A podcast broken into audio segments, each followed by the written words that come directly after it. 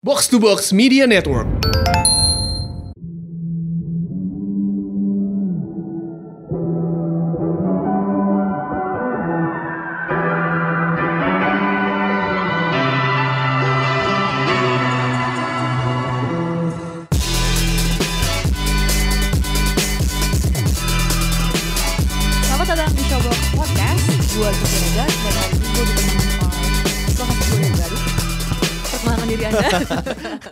Saya Angga Rulianto Bu. Jadi Angga Rulianto ini adalah seorang wartawan film berpengalaman. Lo dari kapan sih nggak liput film? Anjrit. Liput film sih dari tahun 2011 Fokus Wow, liput filmnya. oke. Nah, Pindah-pindah media gitu. Sebelumnya di, sekarang Anda, Angga, Angga di mana nih? Eh, Sekarang gua mengampu Cel Mengampu kanal film di junaruang.com Oke, tapi sebelumnya lo ada di? Sebelumnya di Movila Sebelumnya lagi ada di media Majalah Majalah golf Terus pernah di pernah nulis juga buat Kubikel, pernah Oh, iya. nulis juga buat Hmm. ini ya, banyak ya. Ya sempat berapa bulan nulis di kubikel di Slate waktu itu slate.id pernah juga jadi kontributor di Cinema Poetica sama di filmindonesia.or.id sih. Mantap. Tapi udah enggak, sekarang udah enggak. Oke, jadi hari ini kita bakal ngomongin sebenarnya episode hari ini tuh kita mau wawancara mendalam dengan sutradara Timo Cahyanto. Mm-mm. Jadi kita bakal Wis. membahas eh, dalam banget nih tentang The Night Comes for Us. Banyak yang komen film-filmnya berantem-berantem gitu ya. Cuman eh, menurut gue kalau kalian dengerin nanti eh, wawancara kita dengan Timo, kalian akan dapat suatu sisi yang berbeda dari film ini ya nggak? Nggak? Iya, amin. nah sebelum kita mulai wawancara sama Timo, kita akan bahas dulu nih eh, Hmm. update-update terbaru dari dunia film Indonesia. Eh, ada apa aja nih nggak? Kita punya apa aja nih?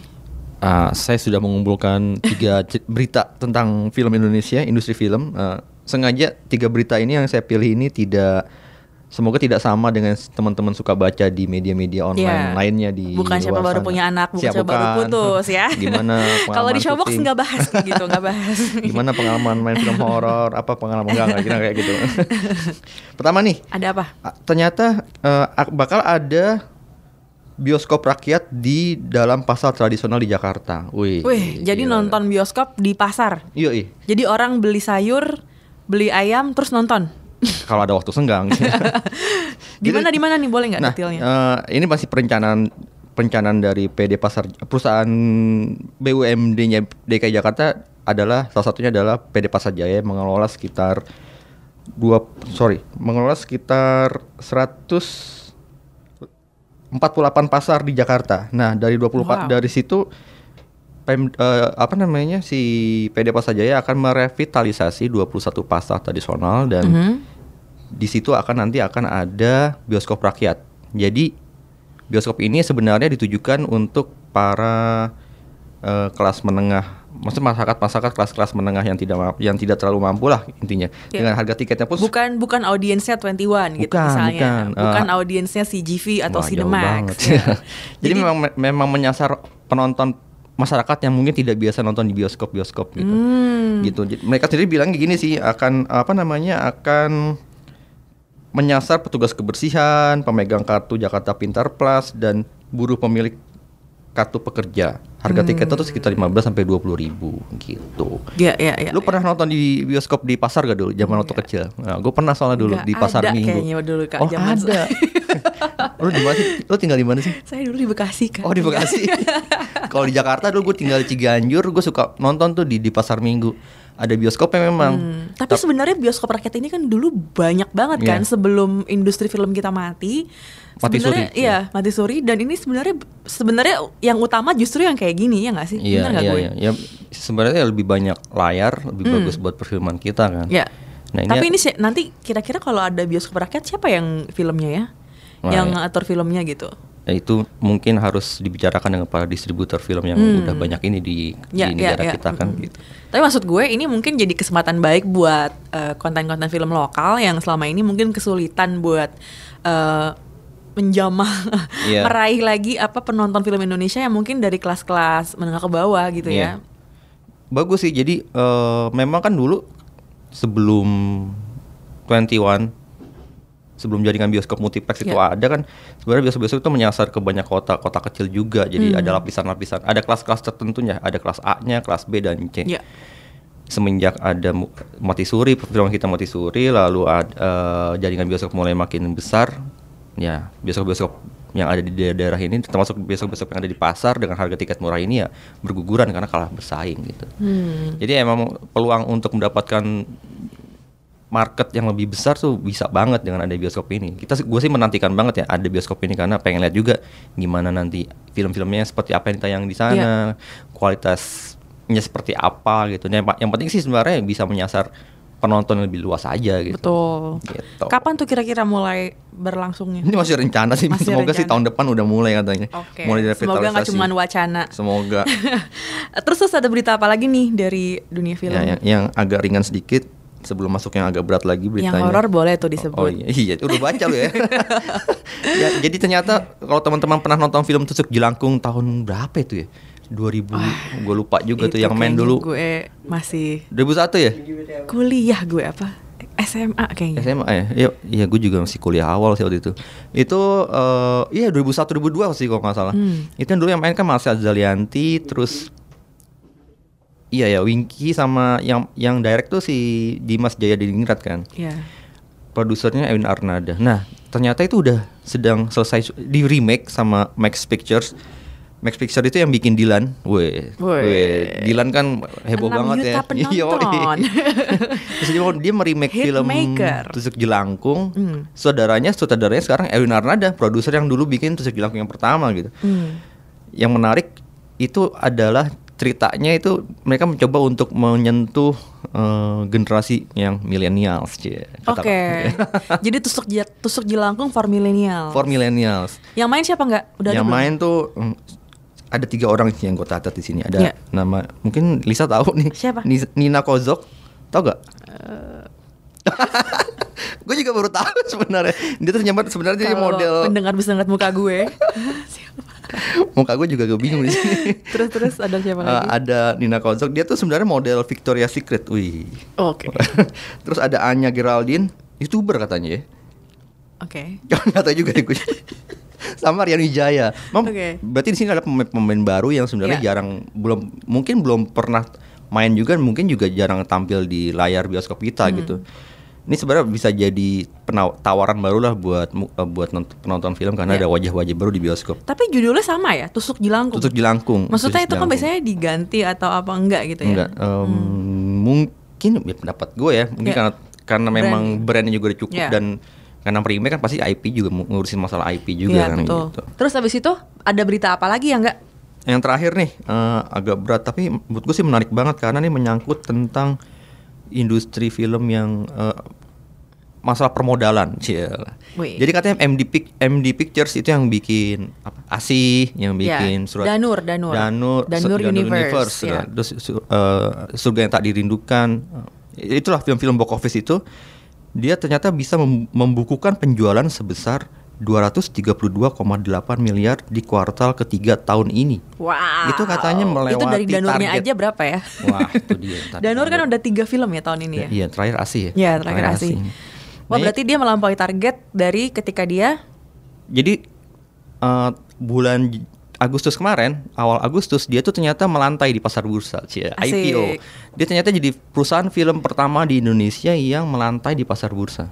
Wow. Oh, dan di, di saat itu saat dia melantai, saat, kok bahasa gue melantai ya, kayak disco gitu. Clubbing kayaknya Anda. Saat dia Masih hari Selasa nih, Pak.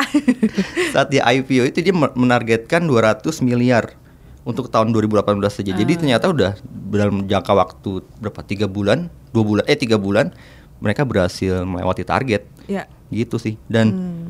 eh, total aset mereka juga meningkat meningkat menjadi 1,4 triliun di akhir kuartal ini. Gitu. Gila ya, gede banget ya. Hmm. Hebat MD banget nih Pictures. MD Pictures berarti ya. Pantesan film-filmnya jor-joran terus ya. ya. udah ketemu formulanya, udah deh, cus. Oke, sekian dulu berita-berita dari kita. Eh, kita abis ini bakal ngobrol dengan Timo Cahyanto. Yuk. Dan kita bakal buka-bukaan soal film The Night Comes For Us. Nah, sebelum kita wawancara dengan Timo, kita harus cerita dulu nih nggak sama pendengar tentang sinopsisnya The Night Comes For Us. Seru tuh. Ya. Gimana gimana tuh? Jadi ceritanya tentang Ito, salah seorang anggota mafia di Asia Tenggara yang lagi beroperasi di sebuah desa ya. Oke. Kemudian kan mereka membabat habis tuh ya karena orang-orang di desa, desa itu, itu ada ya. yang ketahuan mencuri dari si Mm-mm. mafia ini. Mm. Tapi ketika Joe Taslim Oke, Ito diperkenalkan oleh Joe Taslim. Ketika Ito ini ngelihat salah seorang anak kecil yang belum terbunuh, dia luluh lah, Iya. luluh dan akhirnya diselamatkan anak itu dan dibawa pulang Hmm. gitu. Akibatnya eh, dia jadi dicari-cari sama anggota ma- anggota mafia yang lain karena Hmm. dalam at- aturannya adalah ya lo kalau udah ngebunuh ngebunuh lo nggak boleh punya teman lo nggak boleh punya keluarga segala macam karena lo harus kayak no mercy gitu Hmm. nggak ada yang boleh ditinggalin gitu. Nah terus dia Dia dicari-cari oleh dicari-cari oleh para hitman canggih dan berbahaya yang dikirim oleh anggota-anggota eh, para bos-bos mafia di Asia Tenggara. Hmm, salah Ya. satunya adalah Dian Sastro. Siapa lagi? yang Anak- diingat Angga Dian Sastronya loh ini. Gue padahal mau bilang Iko Iko gitu. Oh, iya. Iko Uwais tentunya. si Aryan. iya, pemeran Aryan, ya. Hana Al Rashid sebagai Elena. Ada Iko Uwais juga. Ada Iko sebagai Aryan, terus Julie eh, Estelle Julie sebagai The Operator. The Operator. Banyak lah ya. Banyak banget lah, banyak Nah, banget. Terus di sini Ito juga teman-temannya ensemble cast juga nih. Ada Zach Lee jadi White Boy Bobby. Bule, Bobby Bule. Bobby disebut. Bule. Ada juga Abimana. Ada Abimana. Satya sebagai Fatih. Fatih. Ya. Terus Ada Dimas Anggara Dimas sebagai Anggara, Wisnu. Wisnu dan Ya. siapa lagi ya? Banyak, deh banget deh pokoknya. Ada Iya. juga yang nggak bisa kita sebutin karena kalau Kata Timo sih dia sampai pusing juga Iya. tuh. Oke, kita bakal ngobrolin eh, tentang The Night Comes For Us dengan sutradaranya. Tapi sebelumnya kita dengerin dulu nih trailer dari The Night Comes For Us. Tiga tahun gue jadi mesin pembunuh mereka. Nggak kehitung pembantahan yang udah gue lakuin. Kalau lo sudah dilantik menjadi seorang sukses, hukumnya mutlak. Jangan pernah mengampuni. Tapi di saat itulah gue melihat satu kehidupan kecil yang sudah di ujung tanduk. Mungkin, mungkin aja gue bisa merubah takdir gue.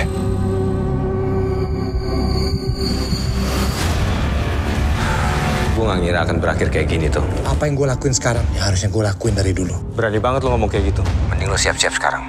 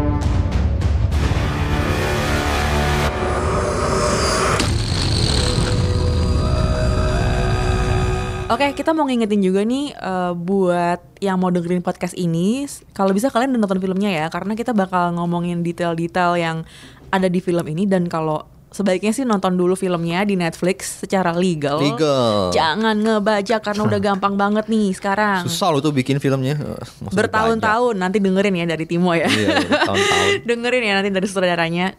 Jadi nonton dulu filmnya sampai habis, baru abis itu dengerin lagi podcast kita.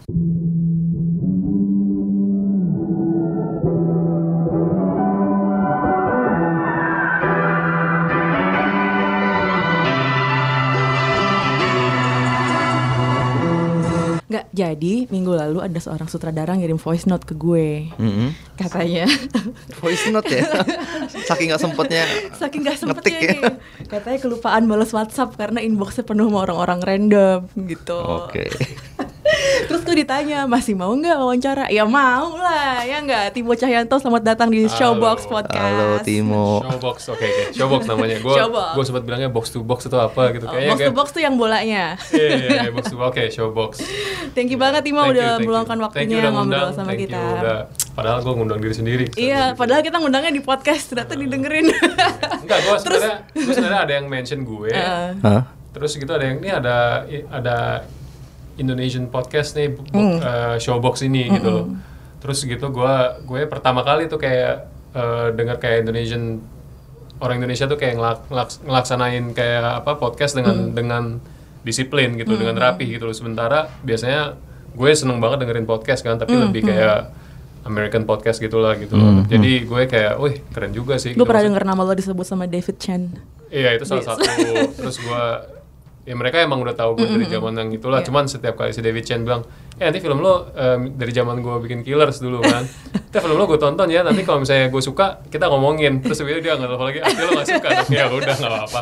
Santai bos. Nah, Timo ini kan baru bikin The Night Come For Us yang um, Heeh. mulai tayang di Netflix uh, bulan lalu ya. Kita udah ngomongin di Showbox podcast yang perdana kemarin. Jadi kita sekarang mau ngobrol-ngobrol soal filmnya langsung gitu. Boleh. Uh, jadi sebenarnya ini uh, kita ngomonginnya mungkin akan lebih detail. Jadi buat yang belum nonton mungkin harus nonton filmnya dulu ya. Jadi kita bisa Harus lebih nonton filmnya dulu secara Iya, legal ya? iya. di Iya. Netflix, di Netflix. harus Netflix. berapa kali nonton nih? Ngaruh nggak sih kalau berapa kali nonton gitu? Sebenarnya kalau kata orang-orang, gue nggak mau promo ya. Cuman Iya, nggak apa-apa lo promo juga. gini ya gue promo kayak promo sih filmnya udah ada di Netflix gitu ya Eh, sebenarnya kalau ada beberapa orang yang bilang waktu gue nonton sendiri kayak something off gitu loh karena mungkin dia mikir eh, masuk dengan kayak mindset tertentu gitu kan. Jadi kayak ekspektasi juga beda. Dan dia bilang ah ternyata filmnya nggak nggak seperti yang gue mau. Tapi waktu dia nonton dengan temen-temennya gitu kayak udah lebih nyantai dan eh berbarengan lah gitu loh. Dia bilang gue jadi ngerasa lebih seru gitu loh setelah setelah gue udah nonton Iya. kedua kalinya gitu loh. Dan emang kayaknya film tipe-tipe For Us ini emang film yang bisa dinikmati secara maksimal untuk beberapa orang kalau mereka kayak rame-rame gitu loh. Jadi kalau misalnya ada momen yang bikin mereka ngilu atau apa gitu di experience-nya komunal gitu together lah gitu. iya. kalau lo cuma sendiri kayak pengen ah gue pengen nonton sesuatu yang dalam nih gitu ya pasti most likely lo bakal fr- frustrated lah gitu loh kalau gue lihat gitu. Oke.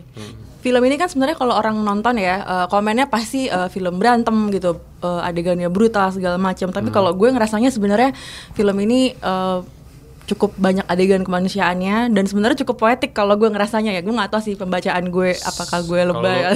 Kalau lu mikir gitu sih amin sih karena gua gue jujur nggak keberatan kalau orang bilang wah lupakan aja lah ceritanya yang penting kita seru-seruannya ya udah emang that's kalau main mindset lu masuk ke situ ya gua kan sebagai filmmaker gua nggak bisa bilang enggak this is how you should enjoy the Yeah. film gitu kan nggak nggak ada yang kayak gitu gitu cuman ada beberapa orang yang kayak waktu kayak tadi lu bilang gitu ya kayak mereka bisa nemuin kayak eh, film gua tuh walaupun karakternya penuh dengan karakter nihilistik gitu Iya. cuman gua nggak pengen kayak sisi kenapa mereka mencoba finding redemption gitu ya bahasa Indonesia apa sih Iya. redemption Tobat Pengampunan. ya. Pengampunan. pengampunan ya, ya. ya, ya. Coba, jago nih orang.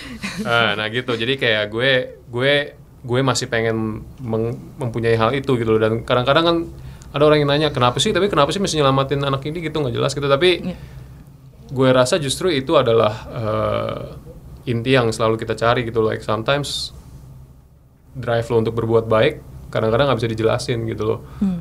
dan gue gue selalu ngerasa bahwa kayak sekarang tiba-tiba nih gue ah gue kasihan nih sama orang hutannya gitu loh. Kenapa gue kasihan? gitu. Iya, Gua gue liat Instagram lo sih. Iya gue gue sekarang nih lagi kayak sampai bini gue lo ngapain sih lo maksudnya ya random banget gitu loh. Tapi gue kayak jadi kita dulu kayaknya di duit gopean ada orang hutan sekarang kayaknya udah makin hilang ya. Kenapa ya gitu? Jadi gue kayak ngerasa oke gue harus berbuat sesuatu lah itulah gitu. Gue pengen pengen memasukkan sedikit bumbu bahwa sometimes kita gampang untuk berbuat jahat tapi begitu susahnya untuk berbuat baik. Makanya kayak there's a lot of sacrifice dan segala macam dan itu semoga nggak lost di di di filmnya gitu ya. Walaupun emang kalau udah masalah kekerasan it's it's really emang ya filmnya gitu gitu loh it's filled with apa sih kayak violence sama Ya. adegan yang lumayan sadis gitu loh Kalau ngomongin soal kekerasan, eh, kira-kira kenapa sih Timo Iya. selalu mengemasnya dalam misalnya genrenya horor eh, dan slasher? Dan penuh darah. oke gue ngeliatnya ke situ aja nggak apa-apa ya Ya nggak apa-apa. Capek kan? karena karena gue kiri-kanan. lagi gini gini gitu Anggar. Uh, jadi uh, kalau gue kenapa gitu? Jadi pertanyaan ini udah muncul beberapa kali. Hmm. Mungkin karena gue selalu ngerasa bahwa uh, apa ya? Kita tuh hidup di dunia yang emang udah lumayan keras gitu loh. Udah bukan udah lumayan ya, udah akut kekerasan gitu. Dan kita kita tuh kayak ngelihat apa ya kayak sekarang gitu banyak yang bilang kok oh enggak kita sebagai orang Indonesia harus mempunyai norma harus punya moral which is true gitu loh. Kita harus bisa membedakan yang mana yang baik dan mana yang salah gitu loh. Dan kita harus punya rasa empati yang gede especially di dunia modern sekarang gitu loh. Cuman gue nggak pernah mau menyangkal bahwa eh, kekerasan itu sangat lumayan merajalela di di di kota seperti Jakarta gitu ya.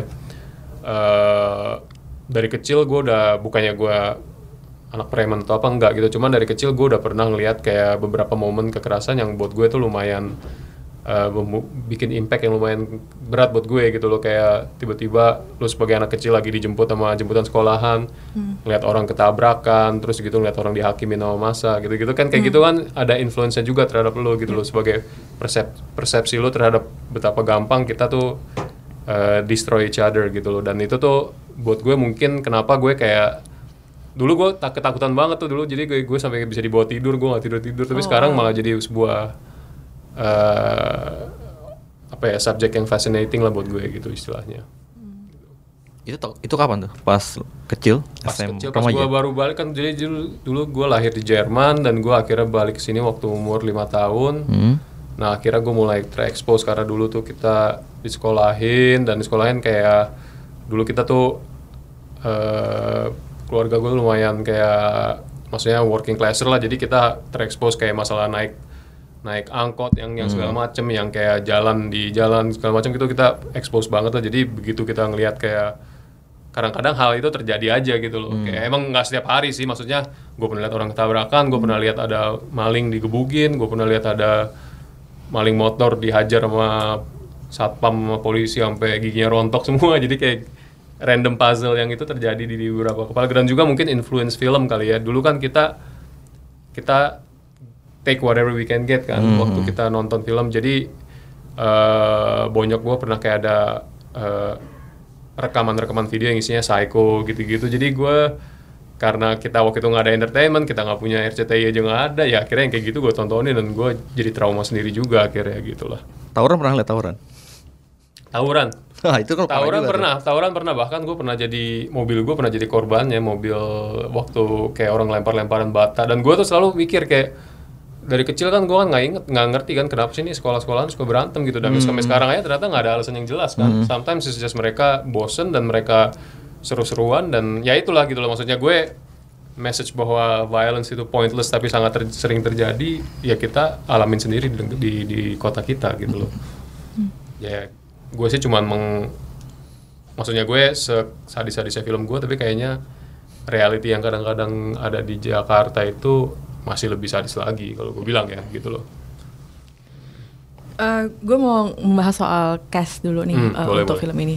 Pertama tentunya Jod Aslim ya karena Siap. peran utamanya. Gue ngeliat nih di Instagramnya Timo ada foto Timo lagi aduh udah seneng gitu kayaknya sayang banget sama Jod Aslim ini. Itu setelah syuting atau sebelum syuting? ini itu Sebelum- gue bacain sebelum syuting udah gue baca. bacain dulu captionnya props to the utmost gue nggak tahu nih bahasa apa ya props to Joe Taslim who believe and stayed to my vision for five Uh. long fucking years and they say you can't find true friend in this crazy backstabby industry Uh. they be wrong this motherfucking guy asik ya itulah gue gue kalau udah maksudnya kalau oke mungkin yang bisa gue ceritakan sedikit adalah historinya Naikom Suras itu udah lama Iya. banget kan Eh, kita mencoba membuat film itu dari tahun 2014 jadi Oke. sesudah gue balik dari eh, sesudah gue balik dari Sundance buat Killers Hmm. eh, waktu itu kita sempat bikin deal eh, pre-sale deal sama dulu company Weinstein Oke. Eh, namanya Radius itu kayak Oh, iya. eh,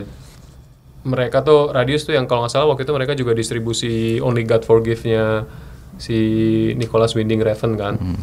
Eh, Ryan Gosling ya? Iya Ryan Gosling benar. Jadi mereka waktu itu tuh lagi kayak lumayan melihat ke pasar Southeast Asia gitu loh yang film gritty gitu, gritty segala macam gitu. Nah jadi kita udah bikin deal dan kita akhirnya semangat untuk eh, masuk pre-production segala macam. Tapi setelah pre-production itu berjalan berapa bulan, tiba-tiba ada financial problem banget lah gitu. Pokoknya tiba-tiba finance-nya stop. Dan akhirnya project itu benar-benar gagal setelah kita udah kita udah mau tiga minggu sebelum syuting tuh dua minggu tiga oh jadi minggu udah sebelum- skrip Wah, udah udah jadi gila, udah, udah udah reading segala macam gitu loh. Dan akhirnya tidak terjadi dan sejak saat itu gue lumayan kayak, aduh gila bayangin nih kayak lu punya proyek yang lu pa- passionate banget Yeah. tapi tiba-tiba within one day lu tahu bahwa itu tiba-tiba harus di stop Hmm. maksudnya sebagai seorang filmmaker tuh rasanya sih bener-bener kayak kayak azab.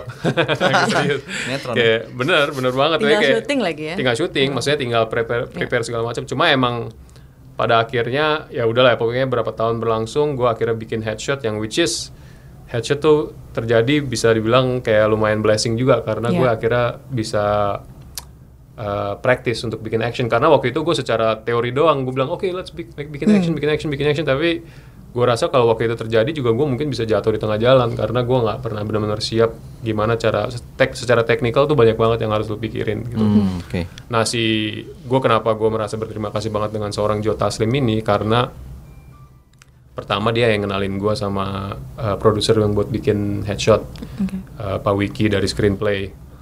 Terus habis itu dari situ kita headshot akhirnya masuk Toronto. Uh, XYZ Film kenalin kita ke Netflix waktu Oke. itu dan Ini Netflix- tahun berapa ya? Tahun 2016. 2016, oke. 2016 akhir. Jadi eh, September kalau nggak salah itu eh, Toronto. Nah di gitu di situ kita ngobrol, kita ngobrol, akhirnya terjadi lagi dan di situ si Joe-nya masih bilang, oke gue siap nih, masih. Jadi Komit dengan peran komit, komit eh, banget. Ito Jadi ya. si si Joe itu walaupun dia waktu itu udah melalui udah melalui Fast Six dan udah melalui apa Star Trek gitu, Iya. tapi dia emang selalu ngerasa bahwa peran ini nih cuman gue yang bisa mainin gitu Hmm. buat dia gitu dia ngerasanya. Jadi eh, bisa dibilang apalagi nih syuting film ini kan lumayan susah kan maksudnya kita melalui 70 hari dan juga eh, syuting semua angle Jakarta terus ke Anyer segala macam ya obviously ngerasa lah gitu eh gila nih di tengah-tengah kayak industri film tuh sebenarnya lumayan sadis kalau gue bilang ya gitu jadi kayak kalau lo nggak eh, nggak kalau lo terlalu kalau lo terlalu galak orang akan mencap lo sebagai seseorang yang galak banget dan nggak enak gampang kerja. Tapi kalau lo terlalu baik dan segala macam dan apa apa ya gampang gampang. Lo nanti akan disangka push over. Jadi lo selalu harus kinda walking thin line yang di mana lo harus bisa ah, gimana ya men- men- menjaga apa sih ya men- menjadi kapten tapi juga ngerti kapan lo harus belajar segala macam dan gue ngerasa tuh si Joe untuk bisa kayak komit secara lima tahun secara mental dan akhirnya tetap menjalankan ini segala macam ya of course dia ada um, something special lah di dalam di dalam hati gue gitu. Karena seperti juga Iko sih sebenarnya cuma Iko Iya. waktu itu nggak ada di set itu cuma kalau bisa dia ada gue cium juga kali dia. Dia udah keburu cabut dia. Gue inget tuh soalnya pas 2014 sebulan sebelum Dread 2 rilis kan gue wawancara Gareth tuh di kantor merantau di Tanah Abang. oh iya iya, iya. Mereka lagi lat- lagi bikin koreografi Lagi bikin gitu. Koreografi. Korea, oh lo ada ya? Ada gua. Nah, itu, lu bayangin gue dari gue dari Pulau Mas ke Tanah, Tanah Abang, Abang. Se, se- seminggu enam kali terus terus terus terus udah kayak gila macetnya apalagi Tanah Abang bisa Iya, dua iya. jam. Terus habis itu tiba-tiba nggak jadi. Ah gila deh. Gue ngerasa gila masa nadir karir gue terjadi waktu gue udah umur 34 ya. Jadi kayak gue lumayan waktu itu galau sih gitu loh. Cuman ya sometimes lu kira lu jatuh hampir segitu tapi ternyata masih bisa juga kayak ke arah yang lebih Iya. penuh hope. Jadi lampu terangnya sebenarnya kapan tuh akhirnya project ini jadi greenlit? Kalau gue bilang lampu terangnya karena si bisa dibilang karena Joe ngenalin gue dengan screenplay ini yang waktu Oke. itu pengen bikin headshot. Dan kebetulan si Iko juga waktu itu lagi nganggur. Maksudnya masih belum ada titik terang untuk dia bikin Mal 22 karena Mal 22 itu sebenarnya udah udah di plan lama banget. Jadi dari gue zamannya lagi develop Naikom Soras pun tahun 2014 Iya. gue udah dikirimin skripnya waktu itu pernah juga. Eh, dan skripnya itu emang tadinya mau ngambil ngambil tempat di Indonesia tadinya. Cuma karena seperti biasa lah syuting di sini selalu ya gue harus sorry itu saya diperibet gitu. Akhirnya mereka memilih untuk membuat Oke. itu di tempat eh, Bogota of all places gitu loh. Maksudnya ya eh, cuman intinya tuh development Mile 22 itu sendiri juga udah berlangsung lama dengan si Iko selalu ada di dalam kepala mereka gitu. Dengan nama kota Indokar. Indokar yoi bener Eh, It- tapi ke- ja- selain eh, Joe dan Iko, cast lainnya yang berubah gak dari susunan awal pertama kali lu desain Eh, itu? Iya, jadi emang beberapa case yang teman-teman gue juga sih sebenarnya kayak si Arifin Putra, Rio Dewanto gitu-gitu. Mereka tadinya udah ada, cuman karena begitu yang bisa gue bilang sejauh ini adalah Iko itu di dalam film Naik Komputer sekarang sebenarnya itu adalah new edition di skripnya gitu loh. Oh. Gitu. Jadi waktu kita green light sama Netflix, eh, mereka menawarkan bukan yang mereka memaksakan, cuma mereka menawarkan kenapa nggak lu masukin si Iko sekarang? gitu loh. Eh, dan gue tadinya gue juga ah enggak gue pengennya sih udah kayak gini. Cuman setelah gue pikir-pikir makin gue pikir tapi emang Iko sebagai karakter yang dia mainkan di Naikon Soras which is Antagonis ya. eh, antagonis tapi yang abu-abu yang tapi kompleks. sebenarnya, Ah, gitu. Yang yang maksudnya orang hopefully masih bisa sympathize sama dia Iya. gitu loh. Gue rasa itu menarik banget gitu. Jadi gue malah merasa tertantang dan akhirnya gue bilang oke let's try to do this. Cuman dengan begitu susunan cast juga ada beberapa yang berubah. Dan waktu itu kan beberapa cast juga lagi yang tadinya kita pengen untuk main juga waktu itu juga udah ada beberapa yang busy segala macem karena ka- karena ada masuknya karakter Iko jadi ada kayak domino efek di mana beberapa karakter yang lain juga berganti gitu loh. Dan akhirnya cocok-cocokan lagi gitu loh. Kayak misalnya si Abimana segala macem. Bahkan si Zekli juga tadi yang nggak ada akhirnya gue masukin. Abi juga berarti nggak ada dari dari awal. dari Abi juga nggak ada. Tadinya malahan lebih kayak eh, Rio atau si siapa waktu itu ya Oka Antara kalau nggak salah gitu jadi ada beberapa Nah, yang kan, bener kan? Gue sempat bilang sama Ah, Lisa. jadi "Eh, emang ada Oka emang begitu awal." gitu tapi, tapi kan waktu itu juga mereka udah ada kesibukan sendiri-sendiri Iya. jadi ada beberapa yang emang berubah karena cerita ada beberapa- yang berubah karena schedule Jadwal. mereka tapi intinya sih semua pergantian itu berlangsung dengan nggak hostile gitu kayak tiba-tiba gitu jadi Iya. gue selalu bilang bahwa eh, people yang gue choose waktu itu juga pasti akan gue pengen kerja lagi apalagi kayak seorang Oka gitu ya kayak yang buat gue gue udah udah klop banget waktu di Killers. Rio Dewanto juga keren banget jadi ya maksudnya there's always be tomorrow lah gitu loh Hmm. siapa tahu sih cool you know gue selalu kan optimis trilogi kan udah iya pengennya gue gitu jadi gue emang ya kita lihat itu ya Eh, menurut gue setiap orang di film ini semuanya punya shining momennya sendiri gitu. Jadi Hmm. menurut gue screen time-nya pas banget gue bisa menikmatin misalnya si White Boy Bobby, terus Hmm. ada si Fatih, semuanya menurut gue punya porsinya eh, masing-masing. Hmm. Lo bikin gak sih backstory buat orang-orang ini? banget malahan kebanyakan gue bilang kayak apa kayak gue udah bilang sama misalnya kemarin gue sempet ngomong sama siapa gitu gue bilang kok si kayak si Dian Sastro gitu sebagai Alma kenapa sense of fashionnya gitu? Apakah dia terinspired by by Pulp Fiction atau apa? Iya. gitu. Gue bilang sebenarnya bener juga lo ngomong gitu karena kayak sama Dian misalnya gue ngobrol sama dia kan gue bilang eh, si Dian terutama Dian yang sangat kuat di drama jadi dia selalu pengen tahu kayak ini kenapa sih karakternya kayak gini kenapa kayak Iya. gini kenapa tengil gini. Gue bilang kita kita akhirnya diskusi ya. Kalau gue lihat sih dia kalau nggak lagi jadi assassin ya dia orangnya suka ke bioskop suka nonton nontonin film gangster segala macam. Dan dia walaupun dia ngomong pakai bahasa Cina daratan Iya. mentok tapi dia akan berusaha untuk memasuki gayanya itu gitu loh. Begitu juga dengan si si misalnya kayak Abimana. Abimana juga kuat banget di drama kan. Dia dia tuh kalau gue bilang secara drama paling veteran lah gitu loh. Jadi dia bisa kita bisa diskusi sama dia dan kita bilang kenapa si Fatih ini nggak seperti Ito yang kayak agresif dan brutal dan sebenarnya Arya yang ambisius dan dan sharp gitu lah ya.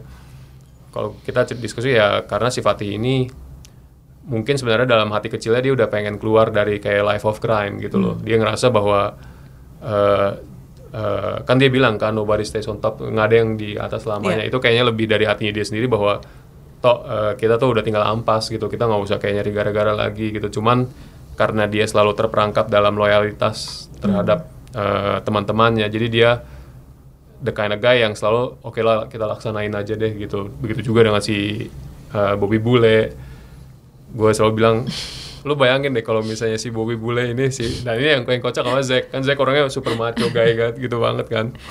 Lu bayangin kalau si Zack si ini karakter karakter favorit gue. ah, si Bobby Bule ini Banyak orang juga kayaknya suka ya sama Iya dia lu- lu- sebenarnya lucu karena dia jadi end up scene Iya. stealing kan gitu loh. Dan gue bilang dia selalu nanya kenapa sih gue karakternya marah gitu agar kayak ya pertama lu yang sebenarnya screw up eh, ini kan karena lu mulai ber, Iya. berdeal dengan narkoba dan Jadi lu pengen semua. Iya dan lu pengen lu pengen banget kayak gua- Expand ya. Eh, kita nih bisa expand nih bro gitu. Gua lu pengen jadi the top. Eh, lu sebenarnya loyal sama teman-teman lu tapi lu ada sisi bego lu yang bikin lu buta gitu loh. Jadi kayak kita kan udah untouchable, kita deal sama siapa aja bisa gitu loh. Eh, terus dia bilang oke oke, tapi kenapa gue selalu angry ya gitu? Gue gue gue pernah bilang sama dia gini, karena kalau gue rasa si Bobby Bule ini sebenarnya eh ada sisi gay-nya gue bilang gitu dia langsung kesel gitu kenapa maksud lo gay gitu enggak tapi dengerin gitu gue bilang dia gay tapi eh, dia gay tapi eh, dia nggak bisa ngungkapin itu gitu loh Closet. dia closet dia di Oke. closet Oh, gitu jadi dia dia eh, apa karakternya itu sebenarnya marah karena gue udah keburu masang tampang super maskulin dan lu lihat waktu flashback kan gue pengen ngasih lihat dia sebagai orang yang lebih rapih dan Yeah. perlente kan Yeah. dan lu udah keburu jadi oh Bobby the player atau segala macam tapi Oh, oke, tapi I get that. tapi lo lu sendiri nggak bisa ex nggak bisa bilang ke si Fatih atau ke si eh, Ito atau si Aryan gue sebenarnya gay bro gitu jadi jadi lu selalu marah di dalam dan akhirnya lu jadi self destructive gitu terus dia kayak gue sih nggak setuju cuma oke deh kalau lo emang emang emang approach lu kayak Apa gitu kata sutradara, gitu. iya ya kan? tapi gue rasa itu jadi bukan berarti dia closet tapi jadi kayak homofobik gitu ya Iya. cuman dia emang kayak frustrated inside aja gitu dan gue lihat oke lu bayangin lu udah frustrasi gitu terus gitu lu mulai mulai nyimeng mulai nyimeng nyimeng mah kayak gitu apa mulai kayak apa kayak kokain segala macem akhirnya lu jadi kayak eh, gimana kalau seorang jangki tapi hatinya tetap baik gitu loh dari di dalam core-nya si Bobby Bule tuh dia tetap seorang yang setia sama temen-temennya gitu ya Mumpung- gitulah Mumpung masih ngomongin Bobby Bule, itu kaki kenapa sih sebenarnya? Kaki dia? Nah, jadi nah itu ada beberapa orang yang nangkep juga sih sebenarnya ini spoiler sedikit gitu ya, semacam Easter egg lah sebenarnya gitu ya. Oke. Jadi eh, karena emang gua juga harus ngetrim ngetrim sedikit-sedikit gitu, jadi ada sebenarnya ada bagian di mana si si itu bingung kok si Bobby waktu ngomongin masalah Johan kenapa dia menggebu-gebu Iya, banget iya. kan gitu kan Dendam kesumat. dendam gitu ya. sumat gitu Yohan bangsat lu gitu segala macem Eh, nah dia tuh ada ada sedikit kayak hint bahwa si Yohan ini ada hubungannya dengan kakinya cuma satu gitu loh nanti pas gitu kita di tempat dagingnya si Yohan dia kan lagi adegannya lagi memotong Oke, kaki iya. kan tuh kan nah kalau orang perhatiin dari tato Yohan juga tatonya ini kaki gitu sininya jadi dia kayak punya semacam food fetish gitu si Yohannya gitu loh. Nah nanti waktu lo lihat adegan dia keluarin duit Mind dari kulkas segala macem, ada beberapa orang yang nangkep, "Eh, Pak itu yang di, di kulkas itu ada kaki ya? Ayo gue bilang kalau kalau bisa nangkep karena Iya. emang gue shot secara sen- sengaja gue nggak kayak fokusin ke kaki Iya. itu gitu. Jadi ya kayak cuma orang kalau misalnya udah nonton dua kali tiga kali mungkin bisa ngelihat, hah itu yang dalam cling wrap tuh kaki ya gitu. Jadi emang gue bikin di mana si si Bobby Bule tuh dulu kan si Johan tuh kan bisa dibilang jongosnya si Bobby Bule kan. Iya. Cuma tiba-tiba Johan jadi on top, si Bobby Bule coba konfrontasi dia dan akhirnya si Johan malahan motong kakinya dan ngusir dia gitu. Jadi kayak Oh, itu kayak semacam story yang sebenarnya gue nggak nggak tell di dalam filmnya, cuman orang bisa bikin kayak semacam eh, guessingnya mereka sendiri. lah, Interpretasi gitu loh. sendiri, Interpretasi ya. sendiri. eh, gitu. Gimana lo memutuskan siapa yang mati Ya. dan siapa yang hidup? ya, seperti Oke, kalau ini. Sutradara play, playing God, playing God. Nah kalau itu lebih sebenarnya sih itu justru kalau gue bilang em, sekali lagi message-nya bahwa for bad people to start to do good tuh emang sacrifice-nya banyak gitu. Jadi gue selalu ngeliat karakter-karakter yang nantinya menjadi almarhum itu mereka nggak pernah takut mati gitu loh. Eh, lebih kayak gimana how they want to go out gitu loh. Jadi kayak kayak gue ngeliat ada beberapa karakter yang kayaknya yang gue tahu yang kalian maksud tuh maksudnya ya emang ini spoiler ya by the way ya. Iya. Eh, ya kayak si Fatih atau si Bobby gitu mereka selalu pengen kayak apalagi Bobby gitu loh. Dia pengen go out in a blaze of glory gitu loh. Jadi dia ngerasa toh fungsi gue cuman sebagai gue udah gimana kayak Iya. kita udah dikepung gini ya might as well gue go out in a in a in a in a masculine way gitu Iya. walaupun masculine way itu nggak selalu the smartest way ya gue selalu bilang bahwa the whole film is full of masculine problems gitu bahwa ya, gue sebenarnya pengen ngomongin itu. Juga itu sih, gitu. kayak- Jadi jadi kayak si Fatih segala macam Fatih pun akhirnya yang walaupun orangnya pasifis tapi dia ngerasa oke lah gitu loh gue sampai di sini aja gitu. Jadi sebenarnya kalau orang nanti interpretasinya sekali lagi bahwa ini film maco banget sih gitu kayak apa sih gitu which is fine buat gue that's the whole thing with with this film tuh adalah eh the flow of masculinity kalau gue bilang gitu ya which is lu ada pertanyaan tadi lu bilang gimana? Nggak, gue pengen itu pendapat gue aja sih. Ini sebenarnya ada kritik terhadap toxic masculinity juga sebenarnya menurut gue gitu. Hmm. Kalau gue gue gue emang ke situ gitu walaupun the way I deliver toxic masculinity ya guilty pleasure because Hmm. like when you when you see guys gitu kayak hajar ke kiri kanan ya Yeah. of course you get an endorphin release out of it Yeah. gitu ya. Cuma efek pada akhirnya gitu gue bilang bahwa film ini mengenai lelaki-lelaki yang akrab satu sama lain tapi they cannot deal with this apa ya kayak kayak si Ito gitu kan karakternya maskulin banget kan. Dia tuh kayak apa-apa ya dia harus kayak komunikasiin dengan violence gitu loh which is how he dia pengen berbuat sesuatu yang tender yang baik tapi he's so bad at it dia Yeah. bahkan baru tahu namanya Reina setelah kayak Setelah udah setelahnya tengah-tengah, gitu ya. kan. jadi tapi giliran dia disuruh hajar orang sampai gepeng dia bener-bener good at it gitu loh. Jadi this is all about kalau menurut gue tuh about lelaki gitu eh, ada di skana flow di mana kayak mereka tuh trying to answer everything by putting their masculinity di depan gitu. Bahkan yang film frame terakhir aja mengenai itu gitu loh. Maksudnya this is yang gue gue bilang gitu kayak apa sih kayak masculinity di di film dan di gitu kadang-kadang tuh kayak goes both ways destruktif dan dan di sisi, di sisi lain juga sesuatu yang bisa lu bilang cool gitu tapi di sisi lain juga ada a pointlessness to it lah gitu loh gitu jadi emang sengaja sih kalau gue bilang ya maksudnya gue emang waktu gue nulis nih gila nih bau banget sih dengan machoism dan segala macam tapi ya well it's it's okay gitu. Termasuk ada karakter Julie Estelle. Oke, gimana? Eh, apakah itu juga untuk menyimbangkan dunia maskulinnya di dalam semestanya si ceritanya si The Night Come For Us ini? Oke, kalau Julia Estelle itu, oke, nanti lu bisa tanya mengenai karakter Julia Estelle. Cuman kalau kalau karakter-karakter perempuan ya mungkin terutama gitu ya, gue gue selalu ngelihat bahwa the circle of violence tuh nggak nggak stop di laki-laki doang gitu loh. Jadi kayak eh, apa sih ya kayak kenapa nanti gue suguhin dengan perempuan-perempuan ya karena gue rasa kayak sekarang kita nonton ini sedikit referencing gitu ya kayak kita nonton Game of Thrones gitu ya Oke.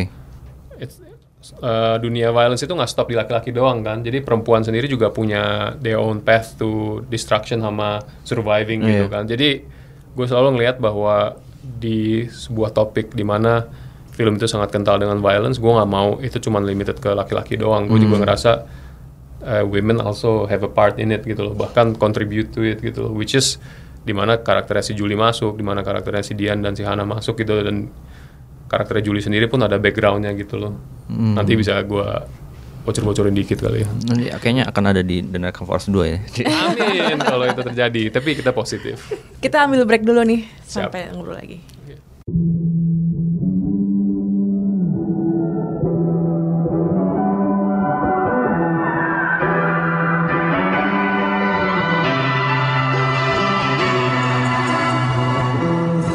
Balik lagi di Showbox Podcast bareng sama Timo Cahyanto. gue sekarang pengen ngomongin soal skripnya dulu sih. Ini kan soalnya multibahasa gitu ya. Ini awalnya ditulis dalam bahasa apa ya? kalau gue selalu nulis bahasa Inggris sih Oke. Jadi eh, bukan karena apa coba karena secara speed gue emang lebih cepet nulis pakai bahasa Inggris. Ya. Dan juga eh, untuk ngasih Netflix kan lo harus present mereka bahasa Inggris kan. Jadi mereka bahasa Inggris dulu baca, abis itu kita translate. Ya, jadi kalau ada kadang-kadang orang suka bilang kayak kok bahasanya kesannya kayak di translate dari Inggris sih. Ya nggak salah Karena juga sih. memang begitu. nggak salah juga sih mereka. Tapi ya eh, gue ngerti ada flow-nya di situ. Jadi tapi karena gue sendiri selalu ngerasa bahwa gue kayak sebelum iblis menjemput kan gue tulis pakai bahasa Indonesia langsung. Itu skrip pertama gue yang gue tulis langsung masuk Indonesia. Gue selalu kayak malah kerasa challenge di mencoba cari kata-kata yang benar gitu. Apa karena gue kosakata ya bahasa Indonesia gue kurang banyak kurang rich atau apa gue nggak ngerti. Tapi for some reason gue lebih comfortable nulis pakai bahasa Inggris duluan gitu loh. Tapi menurut lu berhasil gak yang sebelum bisa menjemput ketika jadi bahasa Inggris dan didialogkan oleh para cast? ya gue gue nggak terlalu anali- analytical mengenai film gue sampai kayak gitu sih ya. Jadi kalau ada orang yang suka bilang ya ini kayak gini-gini ya gue nerimo aja sih. Yang penting produser gue masih happy dan penonton yang nonton gue ngelihatnya oke rasio yang suka filmnya dan rasio yang nggak suka berapa ya? Selama masih banyak yang suka gue ya udahlah I think. Sinting sih itu filmnya. Bisa menjemput.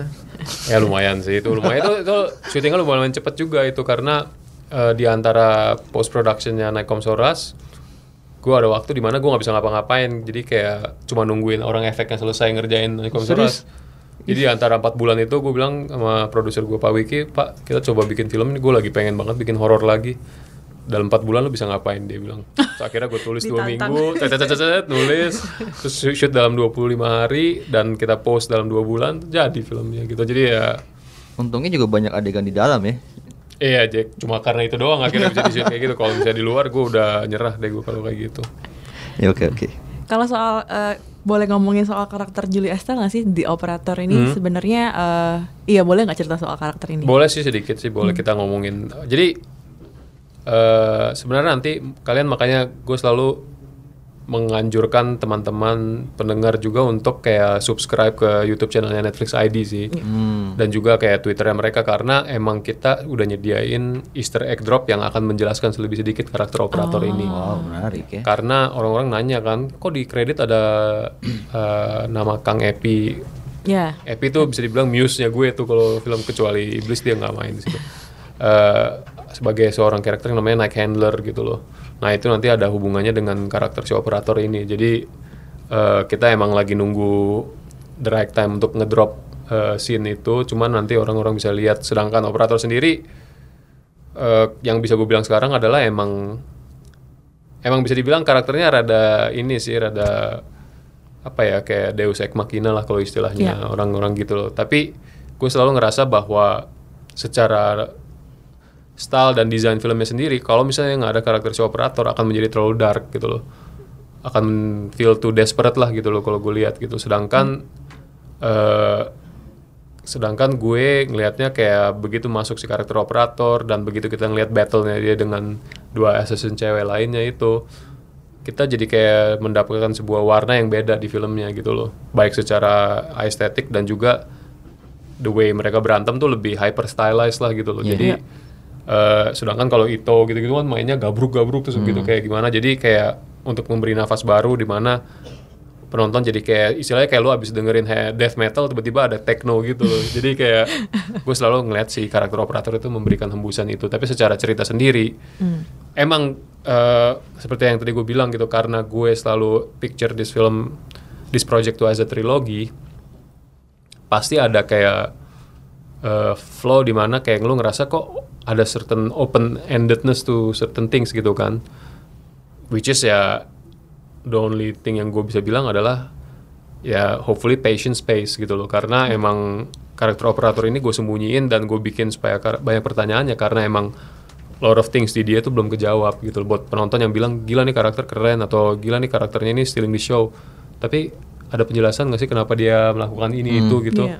hopefully itu bisa bisa hopefully uh, puzzle piece-nya sedikit udah ke kejawab dengan apa yang dia katakan kan secara dialognya dia dan dia juga ngomong uh, lu adalah Ito dari Sixties bla bla bla dan dia tahu semua informasi itu.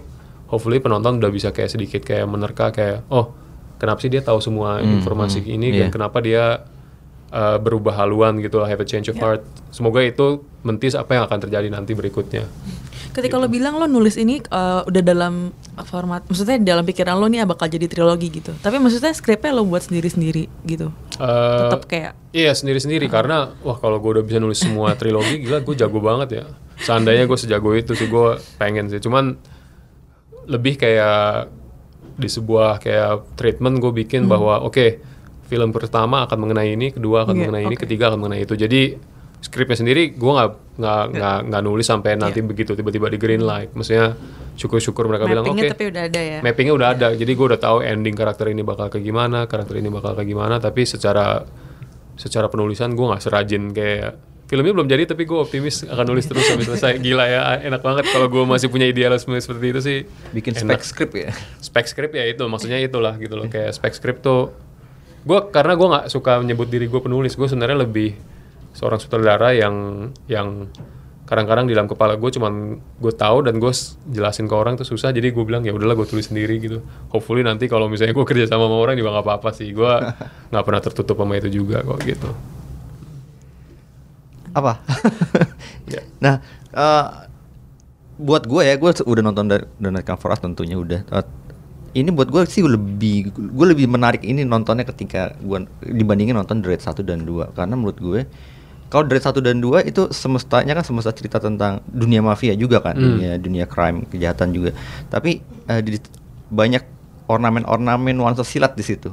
Nah, kalau di The Night Come For Us lu brutal aja udah gitu sesuai dengan karakter-karakternya. Jadi ini sebut gue lebih lebih sedikit masuk akal gitu dibandingin dibanding cerita misalnya kita ngomongin The Raid 1 dan 2 brutalnya itu sendiri ya ini ini opini gue ya brutalnya sendiri itu eh, ya masih masih bisa kita terima gitu masih seharian Ka- harian lu lah ya karena gua karena itu dia ya gue sih ngeliat ini kayak film ini banyak kayak terpengaruh kayak film-film triad Hong Kong gitu gitu kan Hmm.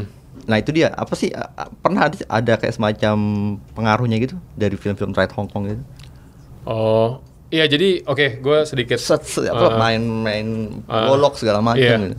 Gue sedikit, mungkin gue sedikit eh, sambungin lagi ke rate 1 atau rate 2 gitu ya. Hmm.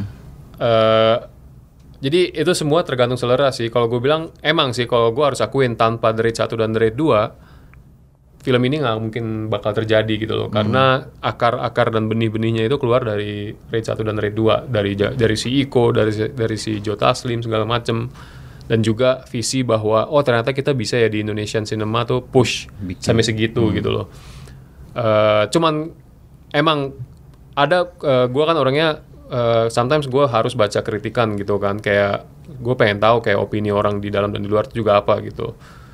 Kalau misalnya orang masuk dengan ekspektasi bahwa mereka pengen lihat silat mungkin mereka akan sedikit eh, disappointed gitu loh. Karena gue selalu bilang di setiap interview di mana mereka nyebut eh, Gareth gitu-gitu segala macem bahwa ironisnya si Gareth itu sendiri mungkin lebih lebih eh, terpana dengan budaya silat daripada gue gitu ya.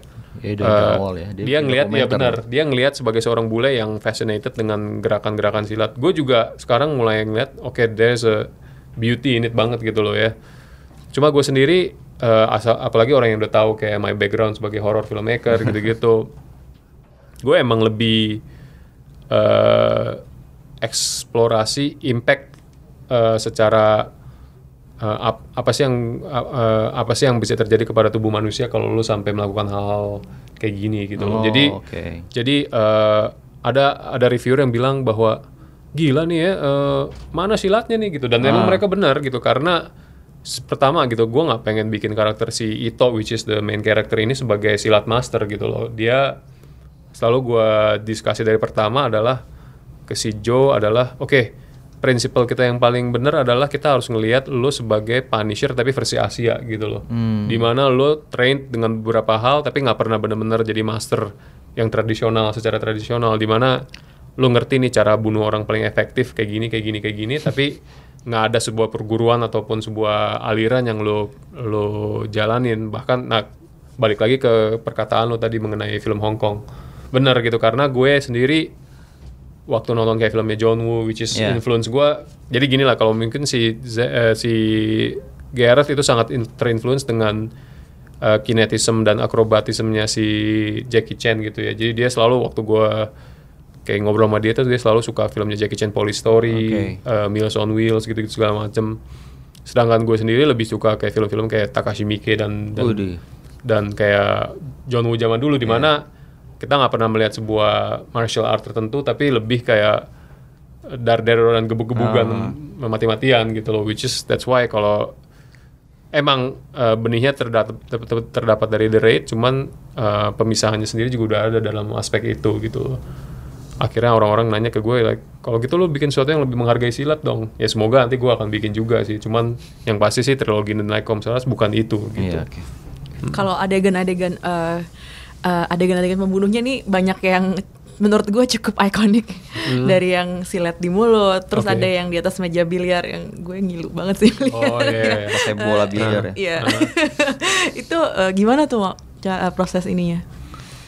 Itu dari dari dari timnya Iko, koreografi atau Kalau tim Iko pasti akan lebih me- Nah, enaknya sekarang gini setelah kita udah jalan dua kali headshot dan dan ini jadi mereka udah mulai ngerti kayak oh perbedaannya si Timo dan Gareth tuh kayak gini gitu loh, Bang. Jadi Mereka tuh siapa?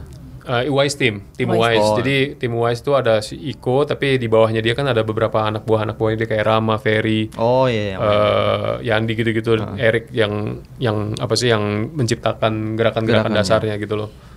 Nah kalau yang kayak begituan sebenarnya mereka selalu lebih fokusnya akan di gerakan martial artnya sendiri gitu. Tapi gua akan sebagai orang yang bilang kayak oke, tapi kalau nanti oke udah beset-besetan terus nanti cutternya dinyonyohin ke mulut gimana? Atau misalnya nanti atau misalnya nanti mereka pasti juga kadang-kadang juga kayak garuk-garuk juga nih yakin nih pak gitu kayak. Tapi kan gue bilang tenang aja ini kan eh, kita kan nggak usah berpikir dengan apa yang akan disensor atau enggak gitu. Kita berpikir sebagai mereka orang gila yang udah mati-matian nih, udah desperate, nggak ada code of honor lagi, udah lebih kayak desperately pengen ngedownin satu sama satu orang satu sama lain gitu loh. Bola biliar sendiri itu inspirasi gue sih bisa gue bilang langsung Eh, lapangan. dari filmnya Steven Seagal sih. Oke. Eh, Mark Oh, for Death kalau nggak salah pokoknya ada adegan meja biliar yang lumayan gila dan dia ambil bola biliar terus dia hajar-hajar orang gitu. Cuman kalau sampai kepala bocor gitu emang karena secara teknikal fun aja gitu untuk lo bisa bikin kayak gitu. Fun ya.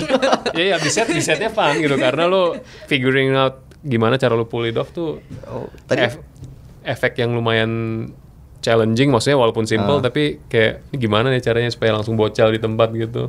tadi kan gue pikir tuh ini eh, improv di lapangan. Wah, ada bola biliar. Kalau improv di lapangan lo nggak mungkin bisa melakukan darah muncrat-muncrat karena Ngilu banget sih kayak. Iya kayak kayak gitu kan PR-nya juga banyak kan lo Ah. harus sediain ini itu secara teknikal jadi kayak sesuatu itu biasanya udah malahan bahkan dengan UIS team itu kita udah melakukan sebuah video board gimana kita udah ini akan terjadi ini akan terjadi ini akan terjadi dan kita udah disiplin di situ aja gitu. Hmm. improvisasi itu bagus cuman kalau masalah syuting film action tuh lo improvisasi bikin orang pusing karena oh si sutradara tiba-tiba maunya kayak gini nih. sedangkan 100 orang itu udah taunya gue pengennya gitu. Jadi ya kalau bisa jangan sih kayak gitu Kalau gimana, gue tuh penasaran gimana Timo meyakinkan produser untuk apa film ini bisa gue gitu dengan berbagai adegan ini dan maksudnya ini juga menyangkut soal eh, bikin film action di Indonesia gitu Hmm. ya. Maksudnya dengan itu sebenarnya halangannya budget ataukah selera audiens atau skill Kemampuan, kru ah. dan talent gitu sebenarnya di mana itu? Sebenarnya kita secara talent ada, Hmm. secara skill ada. Kecuali kalau gua harus bilang, kalau gue kritikal banget masalah mobil-mobilan kita masih sangat kurang ya. Hmm.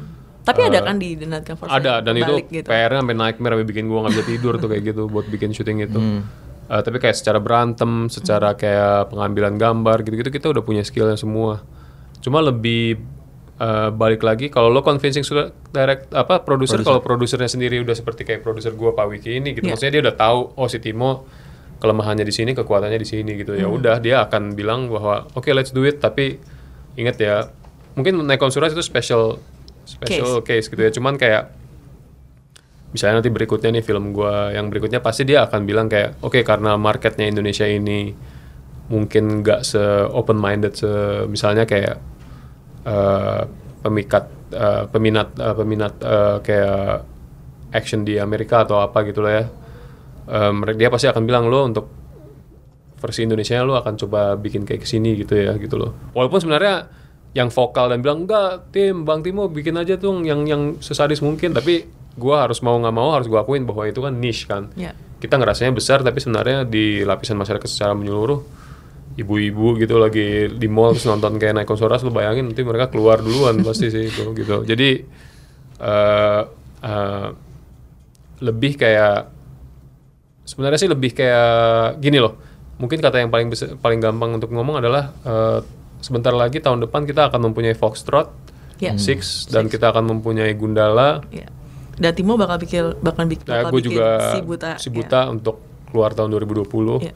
Jadi kayak semua itu gue rasa mendrive untuk eh, industri kita untuk jadi lebih ambisius dalam segi Hmm. technical, dalam segi budget dan juga dalam Iya.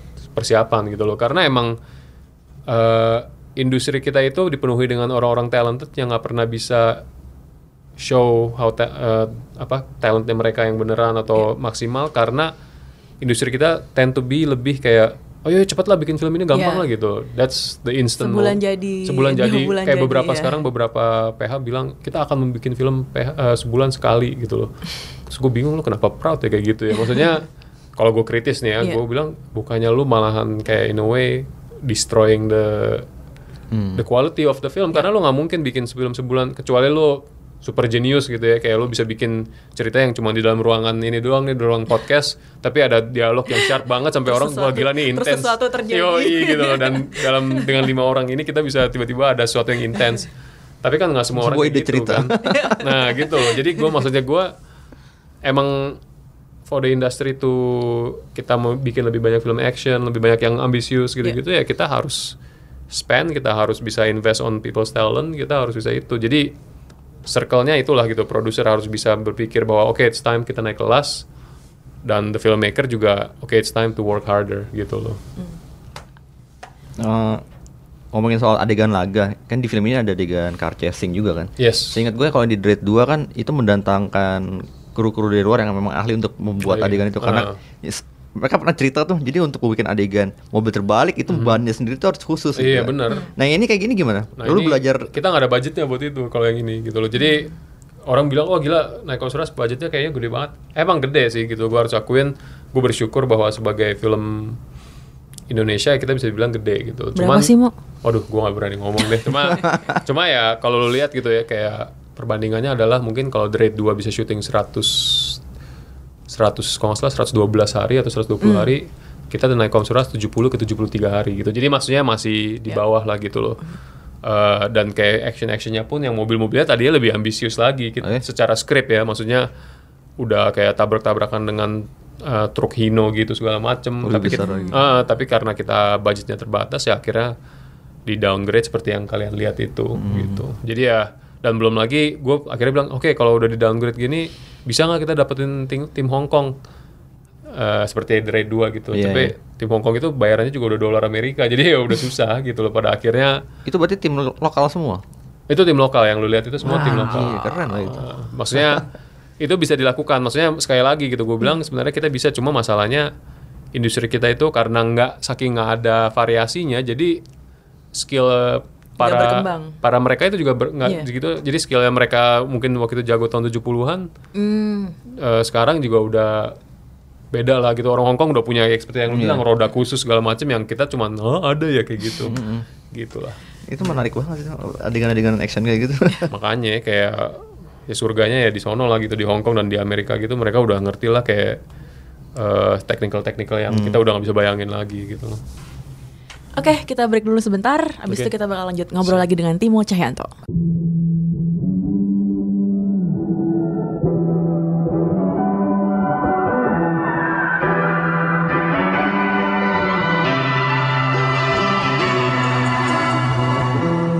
Balik lagi ke Showbox Podcast. Eh, Timo, gue mau nanya ada adeg sebelum ada adegan Hana Al Rashid ngebalikin salib. Mm-mm. Dan menurut gue di film-film lo sebenarnya simbol-simbol spiritualitas keagamaan tuh sebenarnya cukup sering muncul gitu. Hmm. Kenapa sih mau?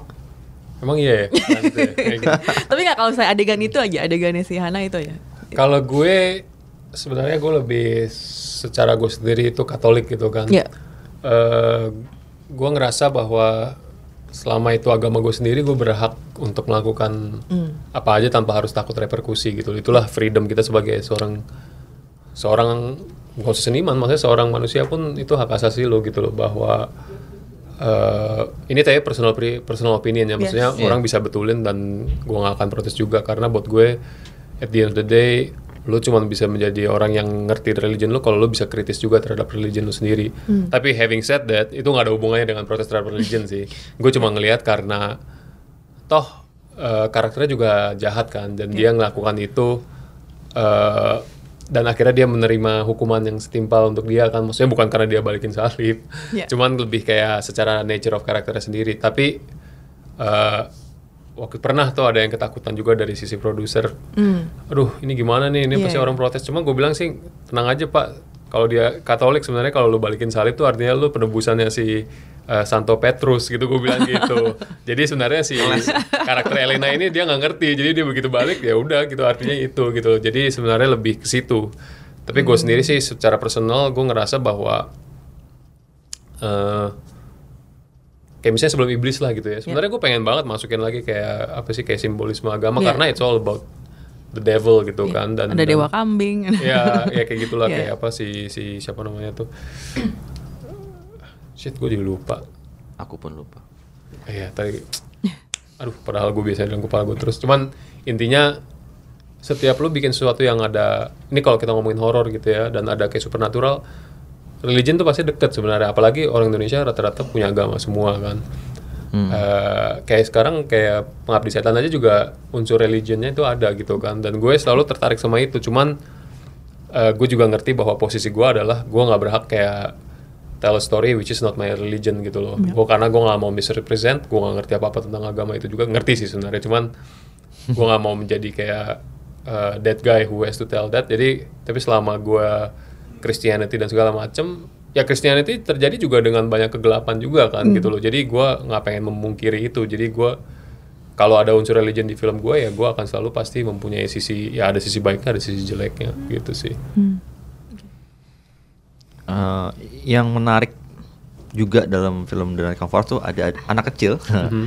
di dia akhirnya kan menembak seseorang gitu kan Menembak, seseorang menusuk maksudnya. menembak menusuk ya terakhir yang di dalam mobil itu Nusuk. nusuk ya Oke. Nusuk, nusuk. Ah. itu kan adegan cukup violence kan Hmm. dan ada adegan juga dia memegang senjata jadi Hmm. pertanyaan gue tuh adalah ketika itu dibeli Netflix eh, ketika Netflix Netflix melihat itu ada respon nggak so, soalnya kan di US sendiri ada ada ada isu Ada isu tentang dengan gun child, vi- child eh, sama violence gitu eh. ya. Kayaknya enggak ya. Mereka malahan pretty open about it kok gitu ya. Karena mungkin karena dunia yang di setup juga udah brutal gitu. Hmm. Mereka ngelihatnya eh, jadi kayak setiap note yang gue dapat dari Netflix tuh lebih mera lebih me, isunya lebih kalau pacing gitu-gitu. Hmm. Kayak nggak nggak pernah kayak eh, from a morality angle gitu nggak pernah. nggak ngomongin kontennya gitu ya nggak nggak- karena kalau gue rasa mungkin di Netflix juga ada gitu film yang sebenarnya juga lumayan disturbing secara secara uh, expose apa exposing uh, anak-anak terhadap dunia violence itu Hmm. ada sebenarnya gitu. Cuman gue nggak bisa top of my head gue nggak bisa nyebutin sekarang sih. Cuman uh, intinya sih karena nature sendiri si anak ini juga self defense self defense gitu jadi mungkin sebenarnya masih oke gitu akhirnya dia melakukan itu itu Akhirnya masih masuk melakukan itu akal masih nggak apa-apa gitu Hmm. loh. Heeh.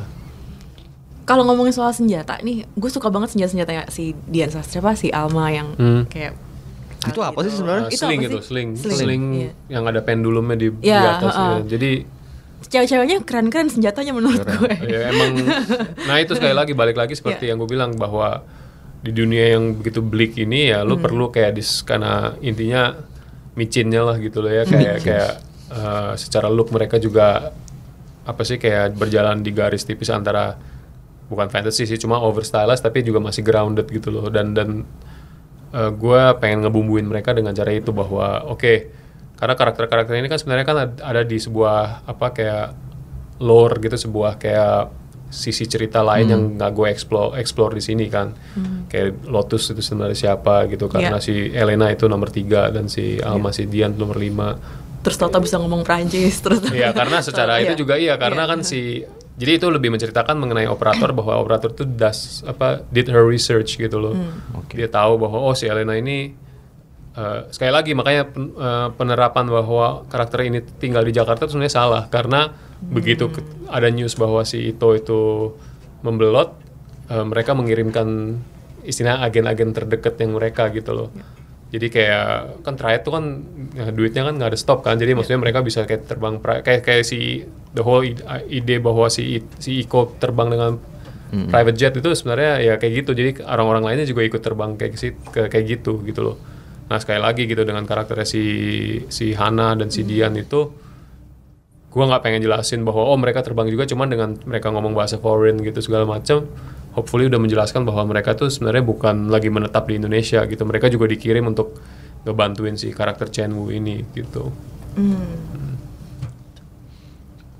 Hmm, sebenarnya ada satu pertanyaan ini sih. Eh, tadi di segmen, berikut, eh, segmen sebelumnya tentang pembagian. Boleh gak sih lu bocorin sedikit tentang pembagian kerja antara eh, lu dan Iko? Kalau lu kan sebagai action director kalau nggak salah di situ kan. iya Kalau jadi Iko mengarahkan laganya gitu.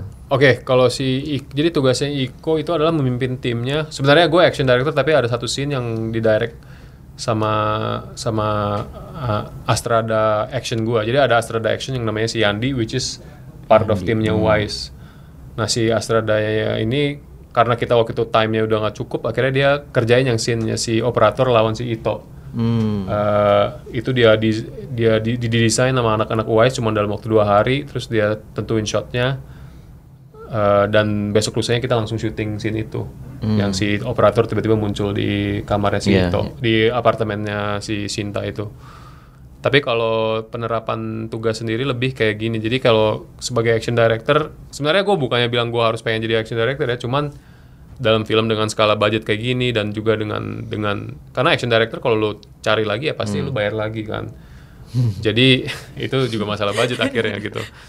Cuman kalau gue lebih karena oke mumpung gue udah direct film ini ya gue pengen juga nyoba-nyoba untuk eh, eh, ngelatih kayak my sense of action gimana Iya. gitu loh. Jadi tugas gue sebenarnya lebih waktu mereka udah punya koreonya gue lebih mikirin angle-nya eh, nanti shotnya kayak gimana, nanti Ah. ngeditnya kira-kira kayak gimana dan nanti apalagi yang bisa gue tambahin yang which is seperti yang lu bilang kayak masalah cutter gitu-gitu yang make it my trademark gitu loh. Hmm. Tapi kalau si Iko sendiri dengan timnya, Wise Team ini, gue akan menjelaskan misalnya, oke si Ito ini backgroundnya keahliannya kayak gini gini gini gini, dia bukan orang silat. Cuman kalian tahu kan kekuatannya si Joe Taslim adalah dia jago judo. Eh, dan si si Iko ya kalian tahu lah Iya. gitu dia orang silat. Jadi gimana cara kita mempertemukan dua skill ini gitu di mana secara konsep lu bayangin aja si Joe Taslim itu adalah eh, Terminator T800, si Iko tuh T1000 gitu loh. Nah dari situ mereka akhirnya bikin koreografi di supervise sama si Iko. Iko, oke. Jadi si Iko yang nanti karena biarpun gimana juga dalam soal gerakan yang paling keren tuh emang Iko doang yang bisa Iya. bisa execute itu gitu. Jadi anak-anaknya akan bikin dipresent ke Iko dan akhirnya gua sama Iko ngobrol, kita lihat oke bentuk koreografinya dari misalnya sekarang operator lawan si Alma dan Elena kayak gini nih. Hmm. Nah dari situ gua akhirnya paling kayak minor adjustment dan segala macamnya dan akhirnya baru gua masuk untuk bikin video boardnya. Oke. Nah begitu gue masuk video board, kita udah stick to itu sebagai bible kita waktu syuting. Ya kayak gitu sih prosesnya. Produser nggak ikutan lihat? Lu nggak perlu present ikut ke produser lagi? Press present cuman sebenarnya kalau udah kayak gitu, sebenarnya kayak Nikon Sora sendiri juga sebenarnya pre-pro-nya sendiri nggak lama, kayak cuman dua bulan lebih dikit gitu. Jadi kadang-kadang lo terlalu pengen present ke semua orang malahan nanti jadi lama gitu Makan karena waktu ya? visi lo kalau udah lo yakin ya udah nggak usah jadi kayak kasus too many cooks in the kitchen gitu jadinya. Menurut gue film ini tuh sound design-nya bagus banget dan gue suka banget adegan adegan berantem yang soundnya tuh bener-bener detail kayak bunyi pisau segala Iya. macam kayak sing sing gitu dan itu gue nonton di TV dan itu gue yang kayak aduh ini kalau di bioskop Emang keren sih di bioskop gue kalau di akuin. bioskop gue yang wah waktu di bioskop experience-nya beda banget sih. Eh, tapi sorry lu mau nanya apa? Oh, Iya, nggak gue mau nanya gimana lo mendefinisikan cinematic experience aja setelah karya lo ditayangkannya di Netflix gitu. Oke, itu sekali lagi gue akan bilang itu semacam kasus give and take gitu ya. Tapi jujur ya, maksudnya oke, gue waktu euforia gedenya banget sih emang waktu gue lagi di Fantastic Fest gitu-gitu kan. Jadi kayak ngeliat film lo di layar besar dengan sound yang semestinya emang kayak Iya. gitu semaksimalnya gitu. Dan orang nggak bisa kabur, nggak bisa matiin, nggak bisa pause gitu. Jadi mereka cuma ah wah," gitu-gitu kayak ngilu-ngiluan bareng gitu loh. Itu lebih jauh lebih enak daripada lo lihat di layar sendiri-sendiri. Tapi pada akhirnya gue mikir kalau nggak ada Netflix film ini nggak akan jalan gitu nggak akan terjadi gitu loh gue jauh memilih orang menonton film gue gitu loh daripada tidak terjadi sama sekali. Dan gue ngelihatnya Netflix itu mempunyai sebuah sistem yang sangat filmmakers friendly sih sebenarnya sih. Eh, di dalam arti kata mereka tuh pro filmmaker banget. Mereka nggak pernah kayak kayak bilang bahwa ah ini nggak kayak gini nih caranya nih karena marketnya kita nggak suka kayak gitu. Nggak kayak gitu. Jadi Bebas mereka ya. worldwide gitu. Mereka sistemnya mereka nggak mikirin just the the mindset of penonton bule doang atau apa tapi juga kayak kesinema, kesinambungannya di negara-negara lain gitu jadi mereka selalu eh, dibanding sama experience filmmaker lain gitu ya kayak gue udah pernah nanya-nanya kalau lu di Hollywood tuh emang bisa sampai kayak gimana sih? Kadang-kadang kayak lu punya 10 ide yang di, di approve cuma satu gitu loh kayak enggak nih karena kita juga mau marketin ke anak-anak kita nggak mau kayak gini gitu.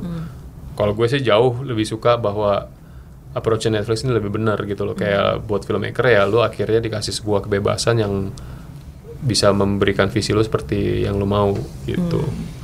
Uh, is it a small price small price to pay untuk layar besar?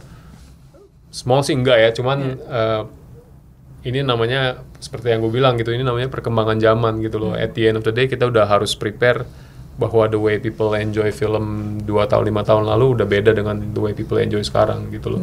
Satu yang gue pengen improve sih cuma lebih fighting piracy sih.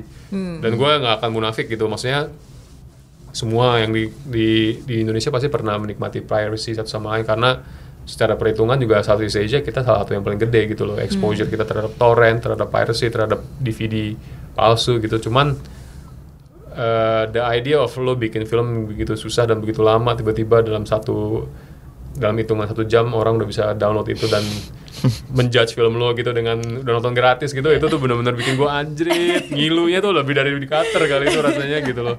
Jadi eh, gitu lah dan gua akhirnya gue mulai menyadari itu juga eh, kayak baru beberapa tahun terakhir itu gitu loh bahwa setelah gue lihat kan ses- waktu gue balik ke Indonesia gitu kan gue juga ngerasa kan oh ada DVD palsu beli gampang nih enak Iya. dua belas ribu dua ribu sekarang lebih murah lagi terus gue lihat tapi apa at the end at the end of the day end game ini apa nih lu bikin sampah numpuk dan Iya. DVD itu juga nggak berlangsung begitu lama Iya, cepet rusak. Uh, dan lo uh, subconscious lo bikin the value of this film menjadi sebuah nothing gitu loh. Sedangkan lo harus tahu bahwa behind every film tuh pengerjaannya tuh kayak it takes time, it takes environmental damage segala macem lah Iya. gitu-gitu segala macem. Jadi uh, apakah pada akhirnya ini dan gue jujur ya waktu pernah reki-reki kan gue pernah lihat tempat reki-reki lokasi di di petak 9 gitu gue juga pernah masuk ke tempat uh, bikin kepingan DVD bajakan gitu kan Pabriknya. pabriknya waduh laganya sombong banget bro gitu gue liat anjing lu udah bikin DVD palsu lu masih laga lu kayak cukong aja lu Ehm, jadi gue ada personal grudge juga di situ gitu. jadi tapi buat gue sih akan lebih sehat pada akhirnya kalau kita do it properly gitu loh karena sekarang gue nggak tahu kalian ya gitu cuman waktu gue seumur kayak 19 18 gitu Hmm. the idea of hunting a film tuh masih precious banget gitu. Jadi kayak misalnya sekarang s- kayak misalnya sekarang Pulp Fiction lah sesuatu yang waktu Indonesia mungkin nggak keluar waktu itu Yeah. karena it's such an unusual film kan. Ya.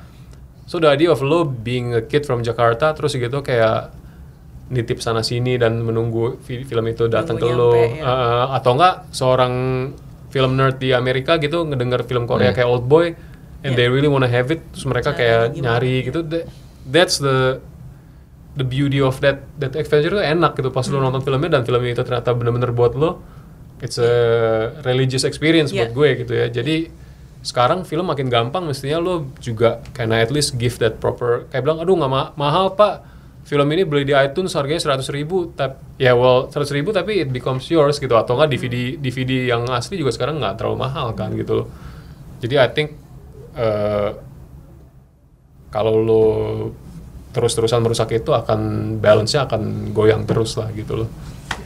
Ketika lo mengeksekusi film The Night Before Us, ketika syuting bayangan atau eh, lo udah tahu nih filmnya akan tayang lebih banyak tayang di layar kecil, nah, Iya. di laptop, di, di Hmm. TV atau dan bahkan di di mana di layar handphone. Meng- Sedih ya? mempengaruhi lu sedih ya gila Itu kalau capek handphone banget sih gue keberatan sih. mempengaruhi lu ketika mengambil keputusan-keputusan ke- dalam hal sinematografi gak sih? Enggak. Enggak ya? Eh, Karena kalau misalnya handphone kan lebih friendly, misalnya kita formatnya rasionya 185 kan. 185 tuh artinya nggak nggak kayak wide gitu loh. Iya. Jadi bener-bener kayak masih kayak kayak sekarang nih handphone nih kan ini 185 gitu kan. Jadi kayak lebih tinggi lah gambarnya tinggi. gitu loh. Ah. cuman kalau gue lihatnya selalu bahwa walaupun nanti medianya bakal handphone atau apa, cuman gue mikirin bahwa banyak orang yang nikmatin Netflix juga di layar TV yang mereka punya udah 50 inci ke atas gitu loh. Apalagi kalau kita ngomongin kayak market Amerika, market eh, UK gitu-gitu, di sana mereka sekali beli TV tuh minimum lap- 50 inci gitu. Apalagi orang Amerika tuh maruk, it's all about size. Mereka kan size obsessed people kan gitu kan. Jadi kayak gue lihat kayak mereka di rumah rata-rata tuh 50-60 inch tuh udah minimal gitu loh. Terus begitu begitu mereka punya 70-80 udah kayak big league competition gitu jadinya buat mereka gitu. Which is good maksudnya karena pada akhirnya gue lihat oke this is the people yang have the apa sih the apa the luxury to to enjoy this film at least the next best thing lah setelah setelah cinematic experience gitu loh. Jadi ya eh, filmnya tuh harus tetap cinematic gitu. Kalau enggak lu kayak lu sekarang ngelihat kayak a lot of TV series yang kayaknya bikinnya juga kejar tayang gitu kan it lack the cinematic experience kan walaupun di layar kecil gitu loh dan gue pengen tetap eh, cinematic experience dengan kayak wide scope gitu-gitu tuh tetap ada gitu loh. Gue nonton Night of Us pakai VR. Serius lo? Wah. Oh ya? Pusing gak tuh? ya awal-awal cuma biasa. Gue demi mengejar gambar besarnya itu. Oh gitu. Lo yang dipakai kardus gitu ya yang lo tidur. Nggak, gue punya ininya. Oh punya gitu. gua. Asik. Kita coba deh kalau gitu. gitu. Timo, Net- Netflix nggak pernah disclose angka penonton ya. Tapi gimana sih eh, reaksinya gimana setelah udah tayang? Gue udah, gue udah sebenarnya bukannya gue tahu nomornya ya, cuman Yeah. gue kan kita udah melakukan that Netflix call gitu, that Yeah. famous Netflix call Yeah. gitu. Eh, minggu lalu actually gitu loh. Oh, oke. Eh, Gimana? dan makanya kenapa tiba-tiba gue mulai berkoar-koar mengenai possibility of sequel? Ya karena sebenarnya ada kemu ada gue nggak bisa bilang terlalu banyak tiba-tiba nanti gue di assassinate sama agennya Netflix lagi. Cuman eh, secara secara secara apa yang mereka reveal sih mereka pretty happy about it gitu loh. Eh, keeping in mind bahwa emang kekuatan film seperti ini sometimes malahan di negara-negara yang lebih bisa open minded terhadap film subtitle dan sometimes Which means? gue nggak bisa bilang negara-negaranya tapi Amerika unfortunately it's not always the at the top of the food chain gitu. Walaupun secara subscriber Amerika lebih gede gitu Iya, ya. iya, iya. cuman gue nggak ngerti juga a lot of American people have something against nonton Subtitles, film dengan iya, subtitle. Iya, gue nggak iya. ngerti like laziness I don't know. Tapi kayak kayak kayak gitu-gitu tuh masih masih sebuah challenge gitu loh Hmm. cuma antara kayak kalau kita kan udah udah di train buat itu kan jadi Iya. ya maksudnya gue bisa bilang sih at the end of the day we are heading to a good place sih gitu loh Oke. Oke. dan Masuk juga sequel. ya gue gak berani bilang juga sih gue Tetap di colek-colek. gue terlalu terlalu optimis tiba-tiba gue digondokin aduh, nggak enak gitu Tapi nanti tetap tetap akan pakai subtitles. Berarti. nah Atau akan jadi full English. nggak juga sih gue Oh, nggak nggak? gue nggak Oke. sekali lagi gue gue sebenarnya gue dikasih option sebenarnya untuk Iya. shoot film ini full English cuman there's always something yang personally buat gue bugging kalau uh, without any reason tiba-tiba kita orang kita tuh ngomong bahasa Inggris gitu Hmm. Um, Iya. kayak misalnya sekarang uh, apa ya kayak sekarang gue gue ngomongin kayak Naik Soras banyak yang bilang kenapa nih orang-orang nge-switch orang kadang-kadang orang-orang penonton dari barat tuh masih senaif gitu bisa nanya uh, why is this character suddenly speaking English and then suddenly speaking French Yeah. dan kita mau nggak mau harus jelasin bahwa well if uh, another Asian meets an Asian doesn't mean they suddenly speak uh, Indonesian atau Chinese kan gitu like uh, you speak with the unifying language gitu loh Iya. Nah itu kadang-kadang tuh masih jadi isu lah. Tapi that's that's the uh, apa ya kalau istilahnya gue adalah a film yang mulai kayak uh, crossing borders gitu loh. Iya. Nggak akan terjadi on langsung tapi perlahan-lahan kita menuju that place gitu. Berarti eh, nanti dibuat juga dengan dengan mindset kalau audiensnya ya multi multi negara Multi gitu, negara eh, multi kayak inilah kayak apa Sense tuh Sense Egg. Iya, Ya kan juga kayak gitu kan. Jadi ya Iya. The Wachowskis tuh bagus gitu mereka kayak na breaking borders through their their series segala macam ya gue juga juga pengennya ke situ nantinya gitu loh. Ya. Kalau ngomongin si buta boleh nggak sih? Boleh sebisa gue ngomong sih Sebit- nggak apa-apa. Iya, bisa sampai diomongin. mana sih itu progresnya? Jadi gue sekarang lagi nulis but, eh, karena materialnya juga lumayan banyak kalau misalnya ada ada kelebihannya ada kekurangannya kalau material terlalu banyak gue juga jadi kayak sedikit harus lebih filter kan karena si Pak Ganes ini kan juga ini kan Pak Ganes ini juga apa ya dia punya material tuh yang lumayan kaya gitu loh Ya. jadi kayak istilahnya sekarang lu suruh bikin Tintin by si RJ gitu kan lo juga ngeliat material udah banyak banget kan dan lo harus kayak filter-filter yang mana yang mau lo pakai Ya. tapi ini fun juga sih pada akhirnya gue lagi nulis sekarang dan gue ngeliat kayak library karakternya si Ganes TH ini Iya. gede banget jadi begitu lu lihat aku villain yang mana yang bisa gue pakai dan karakter mana yang bisa gue masukin ke dalam skripnya itu sebenarnya gue bilang karena gue secara pribadi nggak pernah kayak base my work on something else jadi ya Iya. begitu gue lihat maksudnya base maksudnya sorry maksudnya uh, on another, Mengadaptasi another gitu. mengadaptasi material Hmm, gitu iya. jadi gue sekarang pertama kali ngeliat gila enak juga nih karena si Ganes punya penerapan kayak gini Hmm. tapi gue bisa bisa gue sedikit jungkir balikin menjadi kayak gini gitu Hmm. jadi sekarang yang masih proses nulis lah gitu Tapi sinopsis sudah ada ya? apa Sinopsis sudah ada. udah kok jadi uh, sinopsisnya ini udah terjadi dan sekali lagi gitu ya gue format cerita ini juga pasti akan terjadi kalau nanti lumayan sukses pasti ada kelanjutannya lagi karena ini bukan spoiling buat apa tapi orang kan udah- yang udah tahu buta pasti Iya. udah tahu bahwa nature-nya si Barda Mandrawata si buta ini adalah dia itu akan eks- eksplorasi Nusantara kan jadi emang tema yang gue pengen ambil tuh itu gitu Oke, segitu dulu kayaknya. siap Seru banget nih ngobrol sama Timo Amin. buat Showbox Podcast. Thank you Amin. banget Thank you. waktunya. Thank, Thank you. you. Terima kasih teman-teman Terima ya. kasih. Oke.